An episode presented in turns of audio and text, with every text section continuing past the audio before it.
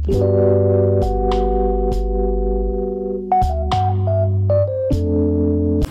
semuanya, ya kembali lagi di Krema Bercakap.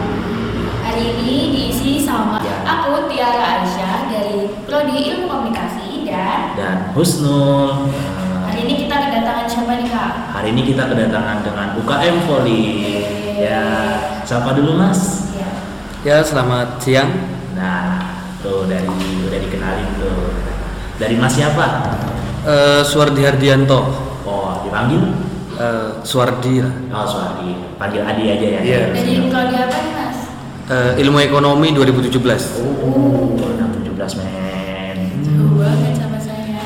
Ya udah. Nih, jadi di sini kita mau bakal banyak ini nih bakal bertanya nih tentang UKM Poli itu seperti apa sih dan juga prestasinya apa aja dan dan juga kegiatan saat ini pada saat pandemi. Kita pokoknya akan mengulik lebih dalam nih Ya. tentang UKM Volley.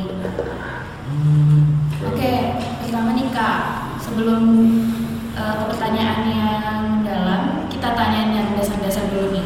Jadi sejarah UKM bola volley di UI apa sih? Gimana sih? Kalau sejarahnya UKM Volley itu berdiri pada tahun 2005. Eh, alumni bilang pada saat itu eh, di UI belum ada UKM bola voli karena mereka tuh eh, rajin latihan lah meski di luar gitu kan. Terus mereka mengajukan untuk mengadakan UKM voli. Terus eh, ketika beberapa lama disetujui itu sama kampus, akhirnya dibentuk UKM Voli UI secara resmi. Kemudian bertepatan itu UI itu langsung jadi tuan rumah acara eh, kejuaraan se Jogja itu dan hasilnya kita mendapat juara empat. Wow, semifinalis bos. Padahal pada saat itu notabene pemain pemain lawan-lawannya itu ya itu masih yang sekarang tuh pro liga lah mungkin kalau teman-teman tahu pemain profesional Indonesia lah ya. Ya, Liga Pro. Terus kan jadi tuan rumah kak. Nah itu tempatnya di mana? Itu di gor. Oh di Gor. Iya di gor yang sekarang itu. Keren. Sih. Hadi Kusumo ya saya lupa. Gorki ya. Ki Bagus Hadi Kusumo. Nah, jadi untuk for information nih, kalau di tempat kalau di UI itu kan ada gor tuh nah untuk nama gornya tuh Gor Ki Bagus Hadi Kusumo. Nah, nanti mungkin bisa banyak tanya-tanya Gor UI itu apa sih namanya? Nah, jadi itu namanya Gor Gor Ki Bagus Hadi Kusumo. Next terus apa ya? Eh, terus motivasi atau tujuan dari UKM bola volley ini apa kak? Kalau motivasinya sih dulu eh, karena bola voli itu eh, bagi masyarakat masyarakat kota mungkin kurang dipandang lah itu. Eh, jadi eh, mereka para alumni itu apa ya mengolahragakan para mahasiswa gitu biar ya semakin kenal ke bola voli juga bisa mendapatkan prestasi untuk kampus. gitu. Hmm, ya karena kalau setahu aku nih kak bola volley ini eh, merakyat gitu olahraganya iya nggak sih? Iya bener banget. Kalau bola voli itu kalau saya bilang sebagai olahraga yang paling murah. Gitu. Wah, iya. paling murah. Soalnya dilihat kita lihat kalau di desa-desa itu hampir semua orang itu di desa itu Iya, pasti punya lapangan benar. voli. Iya, benar benar banget. Pasti diadain rutin juga. Terus nih kegiatannya nih apa aja sekarang nih apalagi di masa pandemi ini juga kan kegiatannya latihan kayak atau gimana? Kegiatan sebelum sama sesudah pandemi Ya, ya. kalau sebelum pandemi dulu nih kegiatannya biasanya gimana? Kalau sebelum pandemi kita itu mendapat tiga jadwal latihan di GOR di Bagus Hadi Kusumo. Eh, pertama hari Senin itu kita malam dari jam 7 sampai jam 10 malam. Kemudian hari Rabu jam 3 sam- sampai jam 7. Kemudian hari Jumat sama juga jam 3 sampai jam 7. Kemudian biasanya kalau kita mendekati pertandingan penting misalnya kayak 5 atau eh, event-event di luar daerah, kita tuh minta jadwal hari Sabtu pagi untuk eh, sirkuit training. Berarti- Tambahan, iya. Oh berarti kayaknya ada TC gitu. Iya bener TC, Wah. istilahnya TC. Kayak kemarin kita mau ke lima itu eh, seperti saya yang nggak pulang kita di TC. Jadi kita nggak pulang, memang sengaja nggak pulang, kita di TC buat ngadepin itu. Dan anak-anak pada dan semua timnasnya. Hmm, terus nih udah pada saat pandemi nih. Kalau pada saat pandemi kita kayak kurang kegiatan ya gimana ya karena gor kita juga nggak boleh dipakai kan karena memang kebijakan dari kampus kemudian anak-anak juga pada banyak yang pulang kampung gitu seperti saya juga kemarin baru saja pulang kampung ya mungkin aktivitasnya ya mungkin kita sekedar ya dari internet dari zoom itu aja sih. Mungkin kalau saya mengajak teman-teman tetap latihan lah di rumah. Ya ringan-ringan yang penting nanti nggak lupa gitu kalau gabung lagi ya. Kan chemistry-nya supaya nggak masih ada misalnya oh ya ini ada latihan virtual gitu nggak? Bisa kan virtual zoom gitu kayak atlet kayak atlet bola kan biasanya ada latihan virtual di rumah masing-masing pada saat awal gitu. Kalau kemarin sih kita itu sih, ya saya tuh mengajukan teman-teman tuh bikin video mereka latihan di rumah tuh gimana gitu aja sih. Soalnya kalau latihan volley virtual tuh kayak memang agak aneh sih ya. ya Iya, benar. mungkin iya sih benar juga kita masa main bola gratis gitu Bisa. ini gitu Mungkin kalau ada yang live-in mungkin bisa. iya mungkin ya. Oh iya kak, terus kalau yang di Jogja ini masih ada yang sering gimana? Kalau di Jogja beberapa yang udah pulang kita ajakin latihan juga. Meskipun kita di luar kampus ya lingkupnya karena kita masih gabung sama daerah, maksudnya sama desa-desa gitulah. Oh kalau di luar kampus tuh di mana kak? biasanya? Eh, kita biasanya di Turi, kalau saya biasanya ke Bantul juga. waduh menjelajah dari desa ke desa Wih, iya. terus Oh iya. Terus ini kak, buat maba-maba nih misal mau masuk ke UKM bola voli, rekrutannya gimana sih? Kayak ada tesnya itu? Kalau dari UKM Volley sebenarnya nggak ada apa ya, seperti seleksi-seleksi itu eh, kita Harus mengurangi lah. gitu? Eh, yang ber, yang berbakat dari awal kita memang udah ajak untuk menjadi timnas gitu. Kalau yang baru-baru mungkin belajar ya kita tetap boleh latihan cuman ya mungkin ada suatu saat kalau kita timnasnya lagi eh, memang TC atau memang butuh latihan tim mungkin eh, di satu hari satu jam latihan itu khusus buat timnasnya seperti itu tapi nggak ada terus yang mau belajar terus nggak yang baru belajar atau belum bisa terus nggak boleh latihan enggak kalau kita terbuka buat seluruh mahasiswa WI for your, sorry for your information maksudnya di timnas ini maksudnya tim inti dari volley UI itu Iya kan benar, bahasa. tim inti gitu. Kalau kita ngomongnya timnas Iya. UI Nah, gitu. iya. Istilah aja gitu. Nggak apa-apa ya kan orang penasaran ini timnas timnas Indonesia Iya. nih. Tapi di, Iya. di satu sisi kan itu sebagai fisiologi biar semakin semangat kita. iya Oh, benar iya. benar sih nggak salah oke Oh iya, terus udah buka belum sih kak rekrutannya buat tahun 2020? 20 Untuk UKM Volley udah bisa Oh. dicek di Instagram UKM Volley WI. Iya, Instagramnya apa? UKM Volley WI. Oh, a- apa? Ada di bio-nya kan? Ada di bio-nya. ada. Tinggal klik di bio. Nah, nah, stay tune aja for di Instagramnya UKM Volley UI. Nah, lanjut. Oh iya kak, Eh, terus prestasi sama kompetisi apa aja nih yang udah diikuti bola voli? Kalau yang pertama kali yang itu yang juara empat itu ya, itu ibaratnya Sejak kayak kita tuh sebagai underdog tapi kita bisa masuk empat besar aja sewilayah se Jogja yang notabene anak-anaknya udah kelasnya pro liga pada zaman dulu gitu. Kemudian yang besar juga pada tahun 2003 itu 2013 juara di ini Gama Cup. Kalau dulu tuh apa ya namanya? Kejuaraan apa gitu? Pokoknya dari Kalau sekarang Gama Cup ya istilahnya. ya, Itu juara dua. juara dua. Wow. Hmm, ada lagi mungkin kan banyak. Kalau yang eh, banyak sih sebenarnya kayak kejuaraan-kejuaraan antar apa mahasiswa gitu ya antar kampus yang di wilayah Jogja aja kayak kemarin kita terakhir itu juara tiga di apa ya di gor di Jogja itu antar kampus juga dia tuh kayak antar apa sih yang Oh, antar- kumpulan mahasiswa daerah itu loh apa? Oh, antar ormada. Ah, iya. Oke. Hmm, ya. Ini Mas untuk alumni-alumninya saat ini ada kayak yang sudah bermain di Proliga atau gimana gitu untuk Kalau untuk alumni sebenarnya ada satu itu toser sih. Cuman sekarang saya kurang tahu ya karena Proliga sekarang agak terhenti gitu. Kalau yang masih aktif masih ada ini. Cuman Libero dia orang asli Lombok. Dia Libero di Jakarta kemarin itu, Jakarta Elektrik tuh. Wah. Dia klub asal dari Yusukota, Yusuf Yogyakarta. Kalau sekarang nggak tahu nih kabarnya gimana. Kalau kakaknya sendiri nih posisinya apa? Terus ikut klub mana nih sekarang? Kalau saya spiker, Saya sekarang udah nggak ikut mana mana, udah Oh. ikut kampus aja. Oh, Sebelumnya di Yusuf Sleman pernah beberapa bulan. kan, ya. Oh ya kak, ini aku mau tanya tentang apa sih macam gerakan dari bola voli ini? atau enggak posisi posisi posisi Iya, Kayak gerakan dasar dulu ya. kayak, Kalau bola voli, ya, bola voli itu gerakan dasarnya ada beberapa ya. Yang pertama tuh se- seperti passing, eh, kemudian eh, block, spike.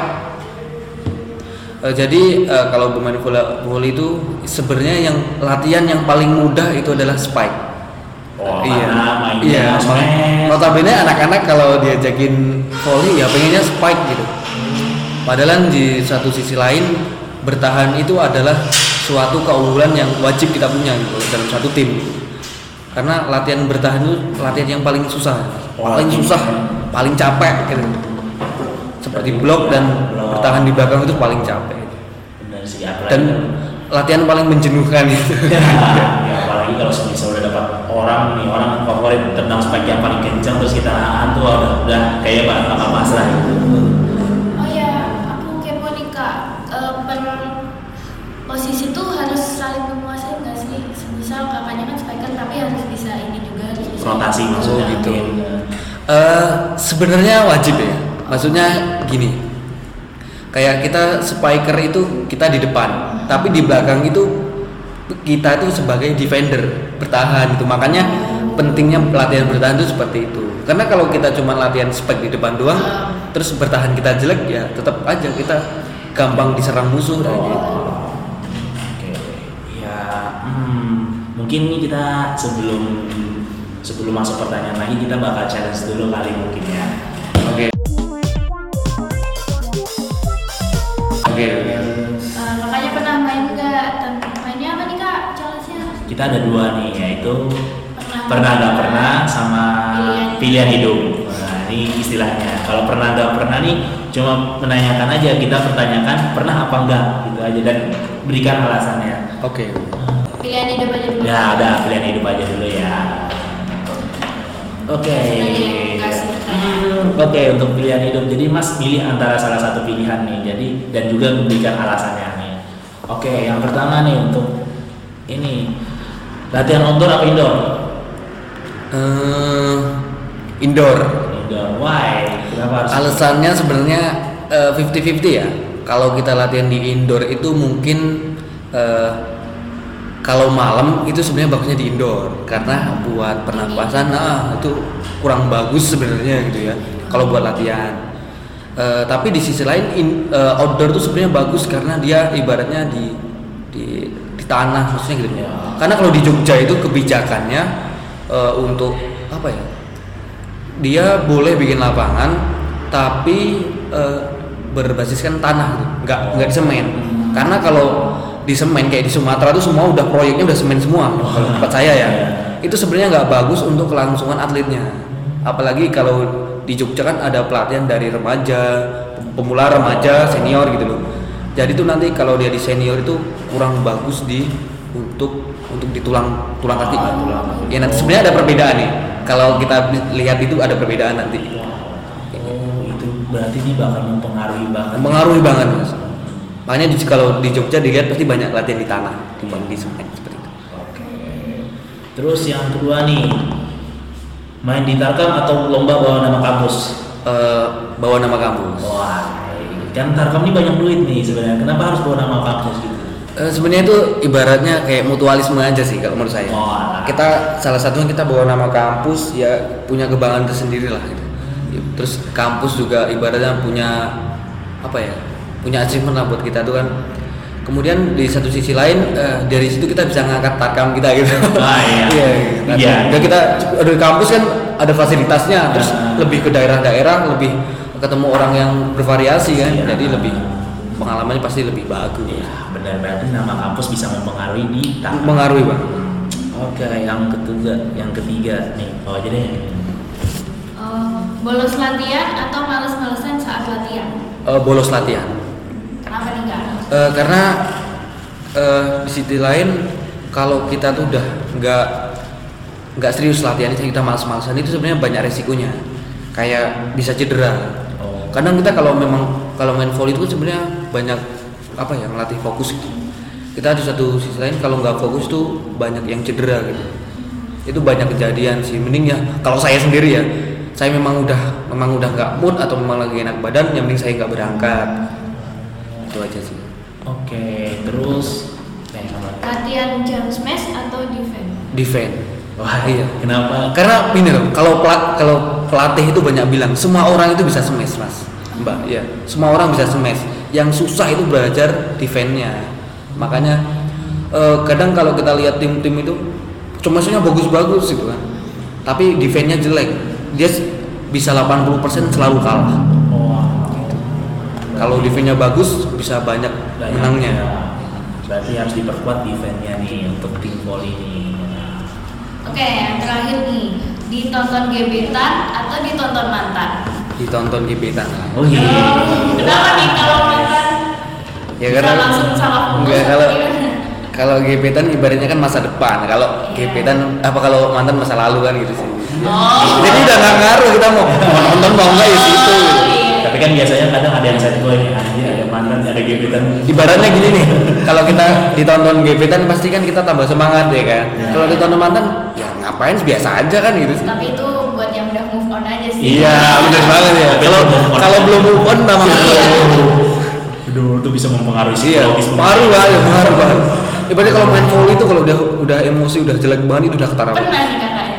Pernah terjadi nih. biasanya eh, bukan karena cewek gitu memang karena ada masalah yang dibawa ke lapangan jadi banyak hancur semua itu sering gitu Nah, berarti ya kalau ada emosi atau gimana, tolong dijaga, jangan main dulu lah, dijaga apa maksudnya distabilkan Iya. dulu emosinya. Nah, tips and trick nih untuk teman-teman nih. Oke. Oke, kita akan challenge selanjutnya kak. Pernah nggak pernah? Jadi nanti kakaknya tinggal jawab pernah atau nggak pernah aja. Oke? Mulai ya. Pernah nggak pernah skip kelas demi ikut latihan? pernah Hmm, pasti pernah. Pernah nggak pernah dapat IPK rendah gara-gara ikut volley? pernah Waduh. Lanjut aja dulu. Pernah nggak pernah diputusin pacar gara-gara fokus volley? pernah Waduh. Aduh, sakit banget. Pernah nggak pernah cilok sama teman se KM volley? pernah Waduh. Jangan-jangan. Oke, lanjut aja dulu. Pernah pernah selek sama teman se UKM waktu latihan atau lomba? pasti pernah Oh, pasti Ya. pernah. Pernah nggak pernah bolos latihan demi ngedate sama gebetan atau pacar? pernah Wah. jawabannya pernah semua Dan pernah terjadi. Oke, aku mau bertanya dulu nih. Eh, pernah nggak pernah diputusin pacar gara-gara poli? Kenapa? Pernah, Mas. Iya. Ceritakan. Ya jangan pacarnya ini juga yang satu yang cinlok tadi loh kan? Enggak, enggak, enggak, enggak. Oh, oke. Gimana gimana? Eh, ini diceritain di sini nih Apa? diceritain di sini Ya, ya kita Gambaran umumnya. gambar umumnya aja deh. Oke jadi eh, beberapa waktu lalu lah ya kan eh, saya itu dulu kan saya ngontrak di Bantul Iya. jadi saya itu eh, ikut di UKM kampus ikut di desa juga nah kebetulan di desa di desa itu kan anak-anaknya pada tarkam tuh ke Oh. Klaten ya kan di Klaten itu mainnya jam 11 partai pertama mas Oh. jadi kalau kalau partai kedua mas pulangnya subuh sampai sini Oh, oke. Iya, nah itu kan saya main jadi pulangnya subuh terus. Hmm. Nah, jadi sana sering jadi ya mungkin karena kurang perhatian atau gimana dia nggak betah ya. Hmm, ya kadang cewek tuh kadang manusia gitu loh. Hmm, ya. Mungkin karena LDR itu LDR sih. Iya. Kalau di sini mungkin enggak. Oh, maklum lah ya, berarti miskomunikasi aja sih. Hmm, mungkin terus apa lagi ya? Oh iya, pernah nggak pernah yang mana tadi? Hmm, saya pengen nanya nih yang IPK-nya rendah nih gara-gara poli kenapa itu bisa terjadi? Eh, mungkin Kalau IPK sih IP lah. IP. IP. mungkin kalau eh, teman-teman tahu ya banyak itu kayak atlet-atlet tuh kayak lulusnya lama, nah. ngerti nggak? Oh. Karena memang banyak pelajaran yang dia tinggal buat buat apa acara-acara kayak gitu turnamen, ya latihannya kayak terbengkalai lah gitu. Banyak latihannya sama belajarnya nih pasti, pasti. Iya Kak. Aku ngerti soalnya aku dulu waktu SMA kan marching juga kak. Jadi kayak sering latihan gitu loh. Oh, jadi rendah. Nah bisa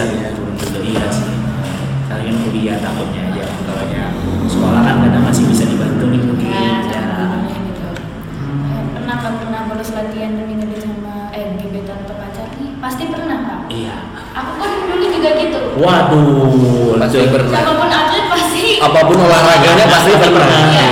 mengorban satunya. Kan alasannya pasti kalau kakaknya alasannya apa? Kenapa bisa bolos itu bisa terjadi? Enggak, maksudnya alasannya kan pasti kasih alasannya aku nggak ikut latihan hari ini. Oh gitu. Alasannya biasanya ya memang biasanya ada kuliah tambahan atau gimana itu Kalau aku sih. dulu alasannya sakit. Hmm. Oh maksudnya tuh dia tuh dia tuh maksudnya nih maksud dia ini Heeh. dia alasan Alasan dan alasan ke kepada pelatih. oh pelatih. gitu. Tapi aslinya ke sini nih. Iya, Nah. sebenarnya lagi ngedate. Nah. Biasanya saya kalau nggak alasan eh, ada kuliah tambahan ya saya tempat saudara saya dibantu gitu. Wah. Gak salah sih, masih bisa dimaklumi gitu. Hmm, Oke sih, dah mungkin itu aja sih ya alasannya ya untuk challenge-nya. Saya kembali lagi ke pertanyaan. Oh iya, kalau saya pengen nanya nih untuk ce untuk volley cewek itu ada nggak sih sebenarnya? Maksudnya di, di UII itu sendiri, biar tahu anak-anak MIBA kan pengen ikut volley juga. Hmm, Untuk ceweknya ada juga Eh, dari awal juga udah ada, ya, dari alumni juga udah banyak gitu. Eh, apalagi yang tahun 2019 kemarin itu anak-anaknya punya potensi banget lah. Ibarat kemarin kita dapat 7 atau 8 orang itu semua anak tim dari Jogja kebanyakan domisili gitu. Ada juga yang dari luar Jawa gitu. Itu udah satu tim komplit kemarin gitu. Satu tim komplit. Bahkan satu ada yang prapon Prapon. Jogja. Wow, keren keren keren keren. Hmm, oh. Oh iya, aku kepo satu nih kak. Em, bo, eh, bola voli yang biasa sama voli pantai bedanya apa? Atau cuma beda di pantainya aja? Kalau bola voli pantai itu mungkin yang kontras banget tempatnya di pantai, di pasir, di pantai gitu ya. Eh, kemudian pemainnya itu cuman dua orang, dua, tiga orang sama cadangannya gitu. Pun dari kayak peraturannya juga beda ya. Kemudian dari bolanya, dari bola volinya sendiri itu beda, Oh, gitu. lebih ringan. Iya, cuma di beda di Beda. apa pantainya aja. Sama bolanya, eh bolanya juga ini ya. Beda cabur juga udah. Oh, berat malahan kalau kalau nggak salah bola Kalau- pantai. Pantai mah lebih ringan. Oh masa sih? ringan banget asli ringan banget saya pernah ikut voli pantai Oh juga iya. dulu. Oh, Iya. saya kan pernah megang bola nih bentuknya tuh kayak bola bola pantai gitu, cuma lebih berat kok, Iya. berat banget gitu loh. latihannya juga lebih berat itu mas ibaratnya Oh, iya. satu lapangan cuma dua orang yang nguasain gimana Kenapa coba? tuh kak? Yang pertama satu lapangan cuma di di handle dua orang gitu kemudian yang kedua itu lapangannya itu pasir Oh. bayangin kalau kita lari di tempat biasa sama la- lari di pasir capek yang mana cuy Ya. Iya. Di pasir kan Panas Itu. lagi. panas Panas lagi tapi kalau di luar negeri itu sebagai cabur yang berkelas berkelas banget Iya. kalau nggak bisa di googling ke YouTube itu kejuaraan beach volleyball itu wah penontonnya gornya bagus banget Kalau di WIP eh, ada nggak sih bola pantai, bola pantai, bola Eh, pantai? Di UI belum ada, Belum ada. Ah. cuman kalau untuk di lingkup eh, Jogja udah terkenal banget anak-anaknya yang pelatnas kan dari Jogja rata-rata pelatnasnya Oh iya, ini saya mau nanya juga nih. Ini untuk kudu untuk mendukungnya bola voli nih, kan biasanya kan ada mahasiswa atau mahasiswi baru nih yang ibaratnya ada jalur prestasi. Apakah UKM voli ini memberikan ruang atau gimana nih? Bisa menceritakan seperti itu. Kalau kita itu sangat apa ya, sangat berharap pada teman-teman yang eh, punya potensi ya mem, apa ya, menguatkan UKM bola voli gitu. Sekali ya kita saling apa ya, saling bahu membahu lah untuk bangun UKM juga membawa UKM kita tuh berprestasi gitu. Karena memang kalau dilihat UKM kita tuh eh, kurang apa ya kurang menonjol lah itu kalau di luar itu makanya kita ini udah kita mulai lagi kita beberapa tahun ini udah kita mulai lagi dari kampus juga udah mulai ada beasiswa mungkin yang PSB itu PSB itu ya mas sebenarnya itu ada perjanjian di atas materai mas kalau mau tahu Oh ya, ada pun Ada. jalur- jalur PSB juga. nah misalnya. itu ada perjanjian di atas materai kita harus apa ya membawa Wah, satu- membawa ikut UKM selama setahun pak ya kalau nggak salah kemudian membawa prestasi nah itu sebenarnya kayak tanggung jawab moral aja dari teman-teman itu aja sih benar benar benar ada itu tuh udah ada tertulis terang Iya. Hmm. Oke berarti nanti volley bakal memberikan ruang bebas berarti untuk Iya. mahasiswa yang benar-benar berpotensi. Bahkan kampus eh, dari kampus dari apa? Dari kampus juga udah bicara ke kita kalau UKM volley itu sekarang memang udah kayak jadi dukungan banget gitu selain basket yang lainnya gitu. Karena dari beberapa tahun terakhir kan kayak bola volley itu kayak kurang gitu. Dan sekarang UKM volley itu udah dapat dukungan penuh kita di GOR itu jadwal kita udah nggak bisa diganggu gugat Mung- kemungkinan eh, apabila ada kesepakatan lain lah gitu ya. kalau jadwal Senin Rabu Jumat itu memang udah mutlak punya kita bisa tambah lain mungkin di CSM gitu. Itu udah asik banget lah.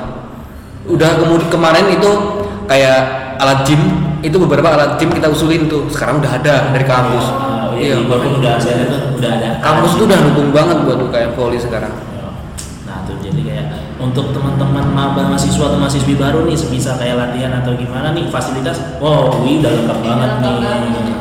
Nah, Oh iya kak, Oke. menurut kakak nih eh, lawan yang paling susah nih mana sih? Nah, penasaran nih, Iya, untuk di Jogja sendiri, untuk kalau di Jogja Oh, sendiri untuk kamp segi apa lingkup kampus ya mungkin masih UNY lah Oh iya sih kan Pasti. mereka Iya. oh, fokus UN sama- iya soalnya UN itu komplit ada pemain indoornya ada pemain voli pantainya pemain voli pantai itu mas kalau main di indoor itu lebih ngeri Iya sih. karena dia Iya. biasa ah, biasa di pantai kan banget. sebenarnya dulu itu dua ada Stinus satunya cuman Stinus Stinus itu notabene anak eh, apa ya kayak beasiswaan dari Yusu Jogja Yusu Jogja tuh kayak tim apalah tim besar gitu di Jogja kan itu notabene anak-anak proliga gitu banyak banget itu kalau pada dua tahun lalu ya kak alum apa kakak-kakak tingkat saya itu mengalami mereka ketemu pemain-pemain proliga itu Ya. katanya kalau mainnya itu sih saingannya beratnya tuh sekarang udah banyak ah, udah pada lulus ya udah pada lulus Iya. ya. Yang saya, saya dengar terakhir tuh kayaknya yang beasiswa itu udah nggak ada lagi kemarin bilangnya gitu sih. UNY sama UGM lah mulai rame sekarang. Ibaratnya sekarang merata lah. Di beberapa kampus sudah merata. Soalnya mereka udah nerapin kayak beasiswa beasiswa beasiswa gitu. Ya. Dan UI menuju ke sana. Ya. Oke, oke. Mungkin nih pesan pes- pesan untuk teman-teman yang Pendengar di, nih. pendengar di rumah nih gimana nih untuk KM Ada Volley ke depannya. eh, Kesan-kesan nggak nih kakaknya buat pendengar? Kalau pesannya eh, main volley itu nggak nggak se apa ya nggak seribut yang dibayangin lah gitu. Karena dari volley itu juga banyak feedback positifnya gitu. Kayak banyak banyak apa, instansi yang mau nerima gitu. Banyak sekarang kegiatan-kegiatan instansi itu yang ngadain turnamen volley di desa. Ya kita banyak temen gitu kan. Banyak kalau di tempat saya itu banyak apa ya kayak ruang buat kita kerja itu banyak dari poli itu banyak maksudnya ya lebih lebih mudah gitu lah di buat perusahaan-perusahaan gitu. di sisi lain ya selain kita juga dapat sehat gitu kemudian kita bawa nama baik kampus itu kan pasti lebih terasa gitu. Oke. Hmm, Terus lagi ada kesannya nggak pesan buat di rumah lagi atau gimana? Ada pesan lagi nih? apa ya mungkin itu aja lah Oh itu aja Ya, ya. Jadi itu pesannya tuh kayak volley itu gak jangan di apa jangan dianggap sebelah mata dan volley itu bisa ada manfaatnya. Mungkin saya ngambil kesimpulannya seperti itu teman-teman. Manfaat selain sehat itu masih ada manfaat banyak Iya, manfaat banyak lainnya gitu teman-teman. Oke, mungkin kita ucap terima kasih banyak nih Mas setelah Oke, mau untuk ya, sama-sama. dan pada ya pada waktu semua waktu pada hari ini. Eh, Oke. Kita tutup Ya, ada kita tutup ya kita tutup dengan salam insan bil albab lah ya. Oke. Makasih semua yang Ya. udah denger ya. Oke dan Assalamualaikum warahmatullahi wabarakatuh. Ya terima kasih.